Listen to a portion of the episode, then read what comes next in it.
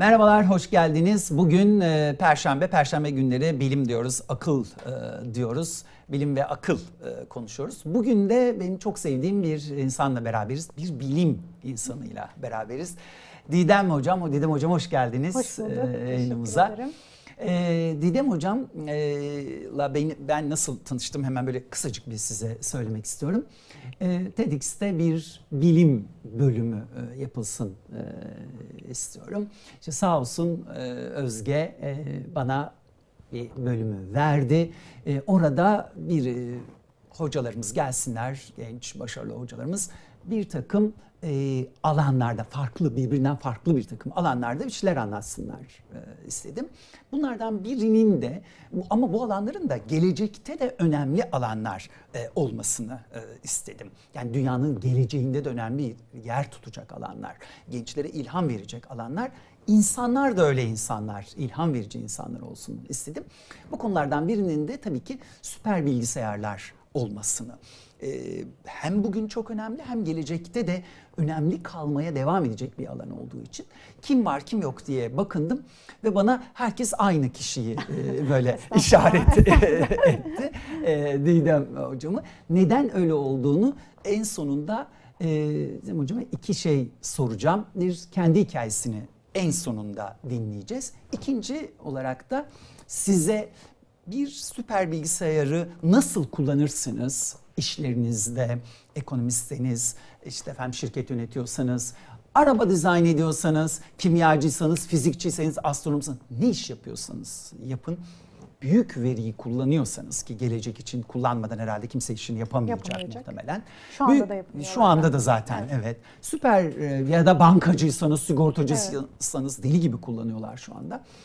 Ee, bir süper bilgisayarı nasıl kullanacaksınız kendi işinizi yaparken? Öbür taraftan da bir süper bilgisayar uzmanı mı diyeyim hocam? Bir süper bilgisayar uzmanı olmak istiyorsanız yani süper bilgisayarlar konusunda çalışmak istiyorsanız onları kullanmak değil o konuda çalışmak istiyorsanız ne yapmanız lazım diye en sonunda soracağım. Çünkü e, çok genç arkadaşımız oluyor bana da e, yazıyorlar ne yapmalıyım e, diye. Dolayısıyla süper bilgisayar uzmanı olmak istiyor iseniz o zaman ne yapacaksınız? Bir astronomsunuz, fizikçisiniz, kimyacısınız, genetikçisiniz, ilaç geliştirmek istiyorsunuz. O zaman nasıl e, kullanacaksınız. Onları da en sonunda kullanacağız. Ama ilk sorum e, şu olsun hocam. Şimdi benim de bilgisayarım var burada yani. Evet. Sizinkiyle yarışacak kapasitede değil muhtemelen ama benim de bir bilgisayarım var. Peki bir bilgisayarı süper bilgisayar yapan nedir? Nedir? Ne zaman bir bilgisayar süper bilgisayar olur? Şimdi e, süper bilgisayar e, dediğimiz zaman aslında kesin bir işte şu bilgisayarlar süperdir bunlar değildir diyemiyoruz ama tipik özellikleri var süper bilgisayarların. E, öncelikle süper bilgisayarlar çok yüksek performansta e, işlem yapma kapasitesine sahiptirler. E, ondan sonra çok büyük bir bellek e, e, kapasitesine sahiptirler. Böylelikle büyük veriyi işleyebilirler ve hafızalarında tutabilirler. E, Ayrıca süper bilgisayarlar öyle dizüstü bilgisayarı gibi yani cebinize koyacağınız bir telefon gibi küçük değildirler. Yaklaşık böyle bir apartman dairesini kaplayacak genişliğe sahiptirler. Büyük bir odayı e, e, kapsayabilirler. Süper bilgisayarlara baktığımızda bir tane ben e, fotoğraf e, vermiştim. Hemen verirler şimdi e, arkadaşlar. isterseniz. Bir, bir şey Ee, soracağım. ha. Süper bilgisayar kavramı aslında o kadar da eski bir kavram e, değil. Aslında en Herhalde eski bir yerlerde. bilgisayarlar süper bilgisayardı. Çünkü O zaman hiç rakipleri o yoktu. rakipleri yoktu. En hızlı, dünyanın en hızlı bilgisayarları onlar da. Onlar e, en hızlı bilgisayarlar olunca e, ve hakikaten... e, Burada bir fotoğrafınız var. evet, Demin gelen bir daha versinler bir arkadaşlar e, ekranda. Burada e, neredesiniz? Burada ben bir süper bilgisayarın koridorundayım. İki e, süper bilgisayarın... Hangisi bu? Biliyor Ee, musun? Hatırlıyor bu musunuz? Şahin, e, Şahin. Suudi Arabistan'da. Suudi Arabistan. Evet, Şahin bilgisayarı. İki taraftaki e, buzdolabı görünümlü e, yapılar aslında e, bilgisayarın kendisi E, ve her rafında da işlemciler bulunuyor. E, koridorundayım. Bir tane daha var. Ondan sonraki e, Summit'i de gösterelim Evet. isterseniz. Ve bu da e, Summit ilginç bir bilgisayar. Çünkü dünyanın en hızlı e, süper bilgisayarı hatta Şu anda. bilgisayarı şu anda e, 2018 itibariyle en hızlı bilgisayarı ünvanına sahip. Şu, bunun işlemci gücünden bir bahseder misiniz? Bahsedeyim. Yani Ee, nedir mesela bu ne kadar Evet, işlem şimdi yapıyor? 200 katrilyon işlem yapma kapasitesine sahip. saniyede 200 Saniyede katrilyon. 200 katrilyon. Şimdi 200 katrilyon nedir? Ondan bir bahsedelim. Nasıl bir şey? Ee, 200 katrilyon tane toplama işlemi yaptığını e, düşünüyoruz. Bunu yani söylüyoruz. Ee, şimdi eğer 7 milyar insanı düşünürseniz dünyada her birinin saniyede bir toplama işlemi yaptığını varsayalım. Eğer bu insanlar yemeden içmeden 300 gün aralıksız toplama işlemi yaparsa Samet'in bir saniyede yaptığı e, işlem kapasitesine erişebiliyorlar. O yüzden Samet e, şu anda dünyanın en hızlı bilgisayarı olma ünvanına sahip. E, Amerika'da. Amerika'da. Amerika'da kendisi. Evet. Biraz önce sözünüzü kestim. Süper bilgisayarlar aslında ilk bilgisayarlar da süper bilgisayarlar Evet. değil. Biraz o e, hikayeden bahsetsem nasıl e, gelişti? Evet, e, süper şimdi bilgisayarlar? ilk bilgisayarlar e, zaten süper bilgisayarlardı. Daha sonra biz e, bilgisayarların maliyeti falan ucuzlayınca biz e, işte e, dizüstü bilgisayarı, telefon vesaire almaya Masaüstü. başladık. Masaüstü bilgisayarlarını. E, ama ilk bilgisayarlara baktığımız zaman aslında 1985'i mesela e, bizim için önemli bir tarihtir süper bilgisayar için. Çünkü ilk defa 1 milyar e, işlem yapma kapasitesi sahip Saniyede bir, bir bir, milyar. 1 milyar işlem yapma. Cray 2. Hatta siz de hatırlıyorum dediniz. Ben e, çok iyi hatırlıyorum çünkü e, o zamanlar e, gelişim yayınlarının bilim dergisi vardı E, ve orada böyle sayfa sayfa anlatıyorlardı ve Evet. işte dünyanın herhalde Çünkü süper rekor bilgisayar kırdı. Yani hani Evet. ilk defa 1 milyar e, işlemi saniyede yapabilen ilk bilgisayar Cray 2'ydi 1985'teki. Ve Ee, o kadar çok enerji tüketiyordu ki benim için çarpıcı Evet. olanı bir sıvının içindeydi soğuması Evet, evet, evet. e, için. E, o sıvıya da bir balık atmışlar böyle e, şey olsun diye. Biraz e, yani komik ama esprili olsun diye bir tane balık atmışlar. E, Ki hem kendisi de çok bu arada beyefendinin soyadı. Ha, e, Cray, Cray. evet, Cray E, Seymour. E, Cray e, şirketinin kurucusu evet. aynı zamanda. Evet. Evet, e, tabii efsanevi de bir isim. Evet, efsanevi. bir Hala isim, da aynen. o şirket e, süper bilgisayarlar evet, konusunda aynen, çok önemli. aynen. e, Çok bir önemli bir şirket. Ondan sonra? Ondan sonra 2000 e, pardon e, yaklaşık 10 sene sonra Cray e, Cray 2'den 10 sene sonra e, Red ASCII e, 2 diye bir süper bilgisayar var. O da dünya rekoru kuruyor. E, onun rekoru ise e, işte e, 1 milyar 1 trilyon işlem yapma kapasitesine sahip. Yani 10 üzeri 12 e, işlem yapma kapasitesine sahip bir bilgisayar. E, ondan sonra da e, 2008'de yeni bir rekor kırılıyor. O da e, e, Roadrunner bilgisayarı. E, o da işte bir katrilyon işlem yapma kapasitesine sahip 2008'deki bilgisayar. 2008'deki bilgisayar ilginç bir bilgisayar. E, çünkü süper bilgisayar ilginç bir bilgisayar. Çünkü e, işlemci olarak e, belki oyun oynayanlar bilirler PlayStation 3 vardı. 3. PlayStation 3, IBM, Toshiba, Sony birlikte bir e, e, oyun e, konsolu geliştirdiler. O oyun konsolunun kullandığı çipin aynısını süper bilgisayarı oluşturmakta kullandılar.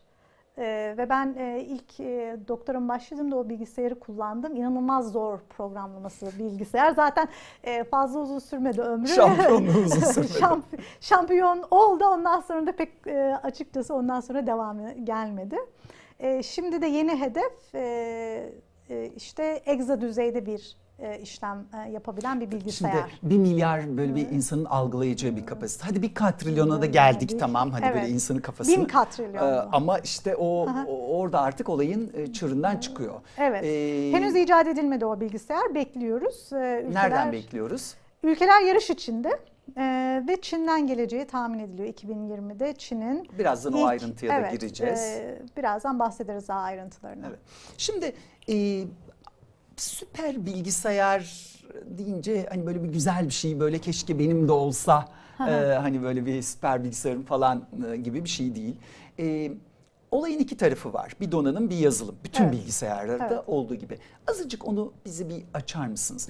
Donanımları ve yazılımları ne kadar farklı e, anladığımız anlamda Ee, Şimdi e, donanım güçlü bir bilgisayar. Evet evet çok güzel bir soru. Ee, donanım aslında çok önceki bilgisayarlar işte Cray 2 mesela 1985'teki çok özel e, donanımları. Öyle sizin hani para verip de alabileceğiniz e, işte markete gidip veya e, işte internetten sipariş verebileceğiniz bir bilgisayar değildi. Özel bu iş için e, yapılan bilgisayarlardı.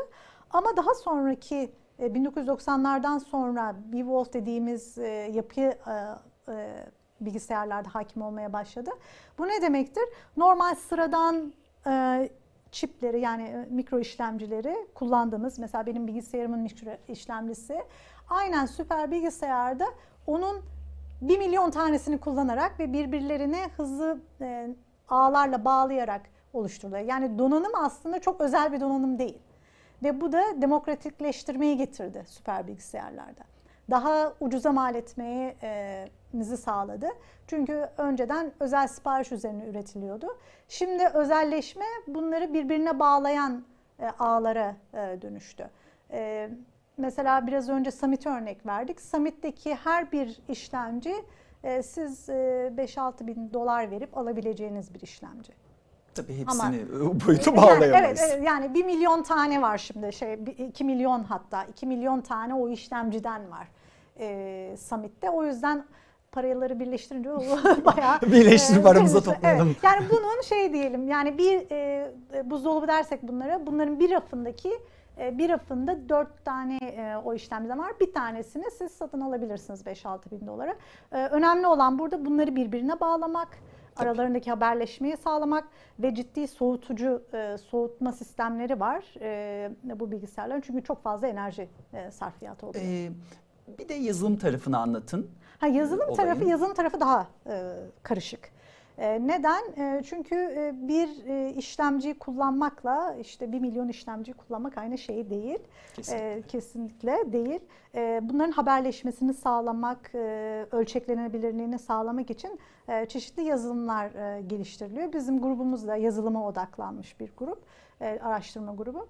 Biz bunlar için süper bilgisayarları kolay kullanma e, açan yazılımlar geliştiriyoruz, araçlar geliştiriyoruz. Bu programlama dili olabilir, derleyici olabilir, e, araçlar olabilir. E, çeşitli yazılımlar geliştiriyoruz bunlar, bunlar için. de tabii gene yazılımlar kullanıyorsunuz. Yazılımları ya geliştiriyoruz, iyileştiriyoruz veya yeniden sıfırdan biz yazıyoruz. Bu şekilde çalışmalarımız var. Peki şimdi bana bir şunu anlatır mısınız? Bizim bilgisayarları kullandığımız nedir? Doktor olalım, veteriner olalım, gazeteci Aha. olalım, beyaz eşya üreticisi olalım, fizikçi olalım, kimyacı olalım. Nerede kullanıyoruz bunları? Gündelik hayatımızda evet. bilgisayarları bir şekilde kullanıyoruz. Artık bilgisayarları kullanmadan bir iş yapmak, yapmak söz konusu değil. Evet. bile değil. Şimdi aslında süper bilgisayarlar e, günlük hayatımızda o kadar karşımıza çıkıyor ki biz farkında değiliz. O kadar çok alanda kullanılıyor ki biz farkında değiliz. Yani siz uçağa biniyorsunuz aslında uçak e, süper bilgisayarlar tarafından dizayn edilmiş oluyor. Veya uçakların e, programı yani hangi saatte kalkacak, nereye gidecek falan bunlar bile simülasyonlarla bilgisayar ortamında yapılıyor. E, şimdi neden süper bilgisayara ihtiyaç duyuyoruz? Biz e, bunu e, test ederek işte lab ortamında yapmıyoruz. Çünkü birincisi süper bilgisayarlar bizim ciddi şekilde maliyetimizi düşürüyor. Biz onları kullanarak e, bazı testleri gerçek hayatta yapamayacağımız veya yaptığımızda çok maliyetli olan testleri süper bilgisayar ortamında yapıyoruz. Mesela bir örnek vereyim. E, Boeing e, bir uçak dizayn ettiği zaman bunu rüzgar tüneli testine sokar ve türbülansı test etmeye çalışır. Bunun için mesela bin tane uçak prototipi üretemez yani çok maliyetli bir iş. Bunu ne yapar? Bilgisayar ortamında yapar bu adayları 2'ye 3'e indirir ve onları üretir. Ve onları gerçek testlere sokar. Böylelikle yani bin tane test yerine 2-3 tane e, fiziksel test yapar. Aynı e, şekilde e, otomotiv sanayinde de çok kullanılır. Ve mesela kaza testlerini, çarpışma, çarpışma testlerini, e, bilgisayar ortamında yapar. Aday olan araçları sadece üretir ve onları gerçek teste sokar. Ondan sonra en iyi e, testi geçeni e, üretime geçer. İlaç sanayinde de kullanılıyor sık, e, sık sağlık alanında, genetik Sunularda, araştırmalarda. ilaçta özellikle çılgıncasına evet, evet, kullanılıyor. Evet. Çünkü o kadar çok ilaç adayı, molekül aynen, aynen. var ki Mesela milyonlar, 3, on 3 milyonlar. milyon tane e, e, molekül e, bileşeni e, siz lab ortamında test etmeye çalışsanız bu 10 sene, 15 sene sürer.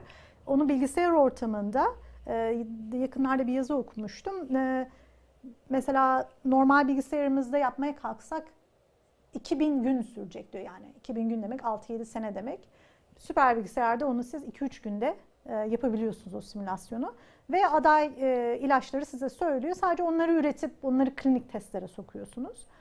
E, Birçok alan var. E, yine e, kişiselleştirilmiş tıp alanından örnek verebilirim. Özellikle mesela Evet. şimdi e, kemoterapi için mesela kişiye özel e, kemoterapi ilaçlarının geliştirilmesi çok önem kazandı.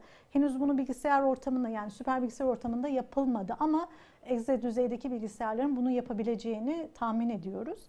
Kişiye özel DNA dizilimine e, bakaraktan e, hastaya özel kemoterapi e, işte ilaçları geliştirilmesi e, ileride çok olası. Ve bunlarda da süper bilgisayar kullanılacak. E, Şimdi ben genelde hani bilimsel alandan örnek verdim ama e, ülkeler bunları afet yönetiminde e, işte e, petrol şirketleri, enerji şirketleri müthiş kullanıyorlar süper bilgisayarı ve burada da e, oradaki rakam e, bir e, e, dolarlık yatırım e, size 267 dolar olarak geri dönüyor enerji sektöründe. Müthiş bir, e, Müthiş. bir geri dönüşümü Süper var bilgisayara 1 dolar yatırım yatırıyorsunuz. Evet 267 dolarlık size gelir elde etmenizi sağlıyor. Bir yapay zeka çok popüler ondan da bahsedeyim. Nerede kullanılıyor e, süper bilgisayarlar? Hani dil e, çevirmesinde mesela İngilizceden işte Türkçe'ye çevireceksiniz dili. Süper bilgisayarlar sayesinde mesela 1 milyon kelimeyi saniyede hemen çevirebilirsiniz. E, bir ilginç bir örnek de daha e, yeni okudum onu da. E, süper bilgisayarları e, hava tahminleri yani kötü hava koşullarını tahmin etmekte de kullanıyorlar. Geçmiş e, hava tahminleri yani hava olaylarına bakaraktan e, ciddi ölçüde zarar oluşturacak işte fırtınadır, işte aşırı yağmurdur veya tayfun gibi hava e, muhalefetlerini tahminlemek için kullanılıyor. Bu neden önemli? Bu hani bizim için önemli tabii devletler için önemli nereler e, zarar görecek böyle bir e, olaydan falan. Ama aynı zamanda sigorta şirketleri için de çok önemli. Çünkü evinizi sigortalayacaksınız. E, Fiyat biçmesi lazım o eve. Acaba ne kadar e, Risk. riskli bölgede bulunuyor bu ev diye. E, ve e, geçen 2017'de sanırım 2017'de sadece hava muhalefetinden dolayı 200 e, milyar dolarlık zarar etmiş Amerika. E, sırf bu hava muhalefetinden dolayı bir de iklim değişikliği yok deniliyor ama işte var. E, yok demek artık. evet. Bilim dışı, akıl Aynen. dışı. İşte e, bunu mesela süper bilgisayarlar kullanarak siz riskli bölgeleri belirleyebilirsiniz. Depremde de riskli bölgeleri belirleyebilirsiniz. Mesela metro istasyonunda e, riskli e, insanlar bir afet olduğu zaman metro yangın oldu diyelim Allah korusun. İnsanların kaçış noktaları yeterli mi? Bunu simüle edebilirsiniz. Ee, birçok alanda kullanılıyor. Ee, o yüzden birçok alanda kullanıldığı için ülkeler ciddi yatırım yapıyorlar.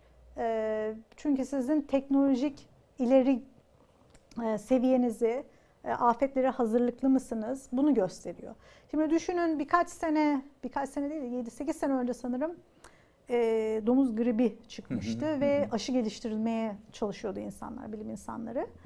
E, şimdi süper bilgisayarı olanlar bir adım önde, hatta 5 adım önde başlıyorlar. E, ve e, e, aşıyı geliştirdiler, piyasaya sürdüler. Tam insanlığa fayda veriyorsun ama bu aşıları satıyorsun sen diğer ülkelere. Tabii ki. Ekonomik geliri de çok fazla. Yani e, o yüzden e, ülkelerin stratejik anlamda çok önde olmasını sağlıyor. Tabii hesaplama gücü çok önemli şey. Şunu söyleyeyim, finansta yani e, ekonomi tarafından hemen söyleyeyim. Evet, Sadece evet, bilim evet. tarafından O, aynen bahsetmiyoruz. onu da bahsetmiyoruz da Evet. finansta da çok kullanılıyor. Finansta dehşet verici şekilde çünkü data çok büyük, Evet, aynen. veri e, çok büyük. Örneğin geçenlerde ben de e, bir yazı e, okudum. Artık bir salgın durumunda hastalıktan bahsediyoruz. Salgın durumunda e, hangi noktada çıktıysa ne tarafa doğru, Doğru onun yayılabileceğini e, tahmin edip ona göre aşılama, ilaçlama evet, evet. yapabiliyoruz. Çünkü neyi biliyorsunuz? İnsanlar ne tarafa doğru hareket Aynen. ediyorlar? Ne tarafa Bunu doğru ciddi yayılıyorlar? simülasyon gerektiriyor. Evet. Yani matematiksel e, denklem Büyük hesaplama büyük gücü. hesaplama.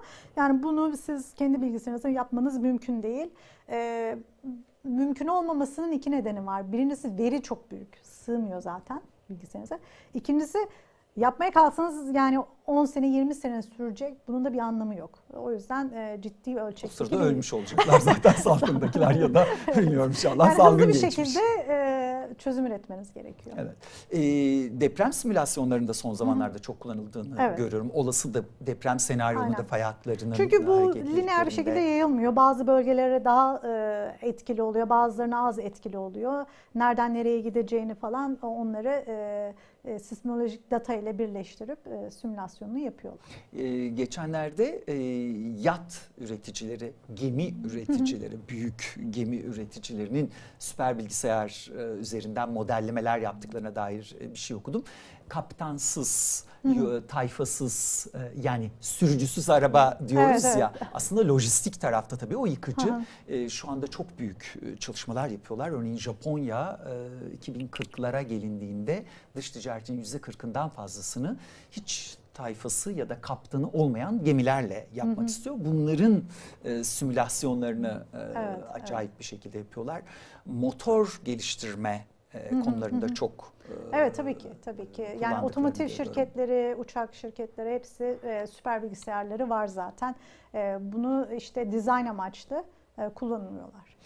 Ee, tabii şeyi de unutmamak lazım genetik Evet genetik tarafı. alanda da e, çıldırmış durumda. Biyologlar daha fazla kapasite istiyorlar Evet. çünkü her insanın DNA'sını, her Evet, canlının DNA'sını aynen. çıkarmaya çalışıyoruz. Çünkü lab ortamında yaptığınız deneyler hakikaten çok uzun sürüyor. Tabii ki yapılıyor. Ama Ve yapılacak e, da. Evet deneme yanılma yöntemiyle çalışıyorsunuz biraz lab ortamında. Ama o deneme yanılma kısmını en azından e, büyük bir kısmını siz bilgisayarda yaparsınız bilgisayar ortamında. Lab ortamında yapacağınız deney sayısını azaltmış olursunuz. Bu da müthiş e, zaman kazandırıyor size ARGE'de. E, geçenlerde e, Türkiye'de de bir üniversitede e, gördüm. İki sene önce, pardon üç sene önce ilk kez e, bunun piyasada olduğunu okuyunca çok heyecanlanmıştım, çok hoşuma gitmişti. Tıpta e, en büyük sorunlardan biri kadavra. E, tıp öğrencilerinin doktor olacaklar, e, hastayı kesmeleri, biçmeleri e, lazım. Yani bir yerden öğrenmeleri e, Evet. lazım organları, e, bir şeyler yapmaları. Virtual reality gözlüklerle artık Aha. gerçek bir hasta yok ortada. Evet. Hiçbir hasta yok. Ama siz takıyorsunuz. Siz hocasınız, ben de öğrenciyim. Siz belki dünyanın öbür ucundasınız, ben buradayım. Burada ben hastayı kesiyorum, içiyorum. Hatta hoca olmasına bile gerek yok. Ben öğrenci olarak kendimi alıştırmak, olmasına da gerek yok öğrenci olmasına da gerek yok. Belki eğer o imkan ulaşılıyorsa. Daha oraya gelmemişiz.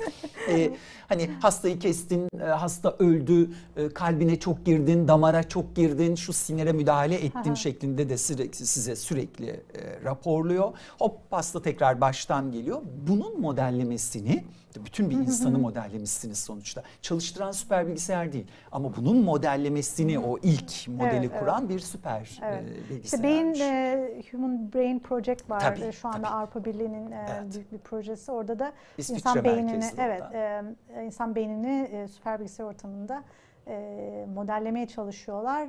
Henüz sanırım kediye yaklaştık. Yani kedininkini e, modelliyorlar ama onda da şey yapamıyorlar. Kedi ne düşündü acaba? Doğru mu modelledik, yanlış mı modelledik? Onu test edemiyorsunuz. Hani insana sorarsınız bunu mu düşündün, bunu mu? Ama kediyle bilmiyorum. Ee, o projenin çok önemli bir yanı var. Ben onu ilk başladığında çok büyük bir proje. O e, bütçe dehşet verici Evet. bir bütçe var orada çünkü. Ee, evrim kuramcılar çok önem veriyorlar ona.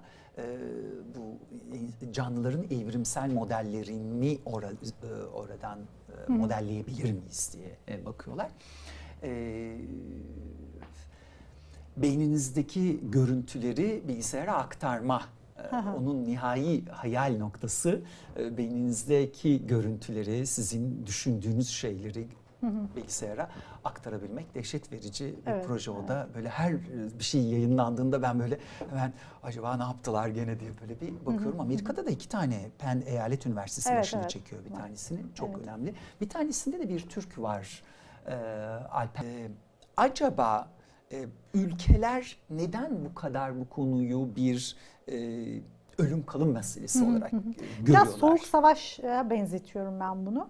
Nedenini de bir söyleyeyim de ondan sonra evet, evet. söyleyeyim. Ee, Çin dünyanın en hızlı bilgisayarına yani en e, büyük süper bilgisayarına ulaşınca number one e, Evet. Çinli bilgisayar olunca adını unuttum onun. Tianhe. Ha, e, Tianhe. Evet. E, yapınca Amerika kongresinde bayağı konuşmalar yapıldı. Evet. Çin ulusal güvenliğimizi tehdit ediyor. Biz geride kalıyoruz Evet, falan evet. diye böyle büyük Çünkü konuşmalar uzun falan yıllardır yaptılar. Amerika e, Açık ara. açık ara öndeydi. E, onunla hatta bir e, grafik e, vermiştim. Belki onu gösterebiliriz. E, uzun zaman, uzun yıllardır Amerika bu e, konuya ciddi önem veren, e, yatırım yapan bir ülke. Neden e, önemli? Çünkü e, biraz önce de bahsettiğim için kullanım alanı çok geniş. E, size teknolojik öncülük sağlıyor. Tabii Yani sivil hesap- alanları söyledik bu arada. Bunun Evet, askeri alanları askeri var. alanları bir da var, roket uzaya, geliş- evet, e, geliştirdiğinizde, bir tank Aynen. yaptığınızda, bir savaş gemisi Evet. yaptığınızda veya Yani hem sağlık alanında toplum sağlığı için önemli, e, işte ürün geliştiriyorsunuz, onun seri üretime geçmesi için önemli. Birçok alanda kullanıldığı için ülke için çok stratejik. Yani hesaplama gücünüzün fazla olması Evet, ülkelerin öyle bir için- grafiğimiz var eğer verebilirse Evet. arkadaşlar. Ee, Toplam Bu hesaplama çünkü gücünü e, sizin gösteren. e, teknolojik öncülüğünüzü ne kadar hesaplama gücünüzün fazla olduğunu gösteriyor. İleride biz orduların savaşacağını öngörmüyoruz. Yani teknolojinin savaşacak aslında. O yüzden e, çok önemli. Bu bu grafikte yıllara göre 2000'den itibaren bir e, işte ülkelerin e, burada Amerika, Japonya ve Avrupa ülkelerinin toplam hesaplama gücünü gösteriyorum. Amerika gördüğünüz gibi mavi çizgide ve e, seneler boyunca e, önce olmuştur. Japonya'da e, çok çalışkan bir ülke e, ve bu konuya çok önem veren bir ülke. O da e, yeşil çizgide e, takip ediyor. Bir sonraki e, grafikte de e, Çin'i gösterelim. Çin e, 2002'den önce süper bilgisayarı yoktu ama e, gördüğünüz gibi son e, 20 senede atağa geçti ve Amerika'nın tahtını e, e, 2010 e, civarında salladı ve sonrasında Tianhe bilgisayarıyla bu dediğiniz gibi çok ciddi bir problem oldu Amerika'da. Tahtımızı kaptırdık, ne yapıyoruz? İşte geriye e, düşüyoruz. Geriye düşüyoruz, paniklediler e, ve hatta New York Times'ta, Wall Street Journal'da falan e, kapak oldu bu haberler. E, işte 5 sene kadar Çin zirvedeydi. 2018'de summitle tekrar Amerika tahta oturdu.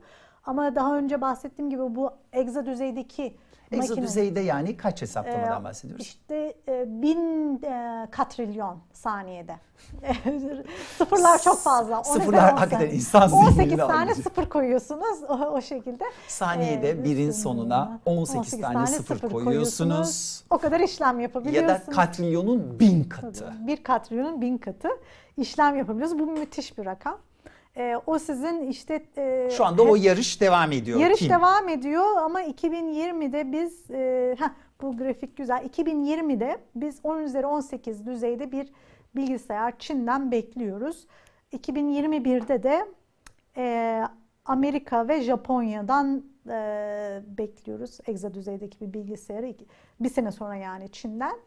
E, Avrupa biraz daha sonra gelecek gibi görünüyor. Tekrar o grafiğe döner miyiz? Bir ilginç bir şey daha bahsetmek istiyorum. E, 1985'in süper bilgisayarından bahsetmiştim. Cray 2. Şu andaki cep telefonlarımız e, Cray 2'den e, yani bir 10 kat 50 kat hatta daha hızlı. E, Bu tabii çok ilginç bir şey. Evet, Nasıl çok- teknolojinin teknoloji o kadar hızlı gelişti ki biz e, e, 1985'in süper bilgisayarını cebimize koyar olduk. Yani, şu anda 1985'e gitsek o zamanki süper bilgisayardan cep telefonumuzla gitsek Ne o kadardı andaki- onun da fiyatını da söyleyelim. 32 milyon dolardı o bilgisayar. Ee, şimdi biz e, o 32 milyon dolarlık e, süper bilgisayarı cebimizde tutuyoruz işte. Hani bin Oraya gitsek falan. bizde sizden daha güçlü bir süper bilgisayar var diyebilirdik Evet, zamanda evet. geriye gidebilsek. Ee, Bu çok önemli bir e, grafik Evet, gerçekten. şimdi e, bir de o grafikte Tekrar de e, alabilir diz- miyiz e, grafiği? dizüstü bilgisayarını e, gösterelim. Dizüstü bilgisayarlarımız daha hatta e, hesaplama gücü bakımından. Ortalama bir dizüstü Evet, bilgisayardan ortalama bir dizüstü bilgisayar. 1998 yani 20 sene çok fazla değil. 20 sene önceki e, yanlış hesaplamıyorum değil mi? 20 sene önceki süper bilgisayardan daha e, hesaplama gücü fazla. 20 senede düşünün şu anki süper bilgisayar Summit 20 sene sonra siz onu dizinizin üzerine koyuyorsunuz. Yani Müthiş. müthiş, bir şekilde teknoloji gelişiyor. O yüzden ülkelerin de adapte Bence olup e, gelişmesi kadar hocam gündelik hayata aktarım hızı da çok Evet, aktarım Yani hızını, eskiden aynen. laboratuvarlarda, üniversitelerde sizin gibi insanların yaptığı çalışmaların gündelik hayata aktarım hızı çok düşüktü. Evet. Yani yavaştı. Zaman içinde Evet, evet. Şimdi bu hız Aynen. e, O yüzden çok ben arttı. hani gençlere bu alanda çalışmak isteyen gençlere de sesleniyorum. Yani e, süper bilgisayarlarda çalıştığınız zaman hem teknoloji ö- çok önceden 20 sene önden takip ediyorsunuz. Hem de e, yaptığınız işler e, 20 sene gibi kısa diyeyim yani sizin çok kısa bir süre Çok aslında. Süre sonra genel kitle tarafından kullanılıyor. O yüzden çok e, ilginç ve güzel bir e, Hocam bizi kıskandırıyor. Yani ben sizin 20 yıl ilerinizdeyim diyor bu arada farkında estağfurullah. bilmiyorum. Ama yani. yani onu kabul ediyorum. Teknolojiyi çok önden takip ediyoruz.